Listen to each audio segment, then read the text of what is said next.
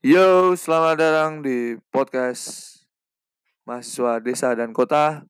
Podcast ini menceritakan tentang banyak hal, membahas banyak hal meskipun tidak tuntas. Akan ada banyak cerita yang kami akan bahas, ada banyak berita yang kita akan kupas gitu. Sekian dulu prolog dari saya sebagai podcaster dari mahasiswa desa dan kota. Ditunggu episode pertama ya.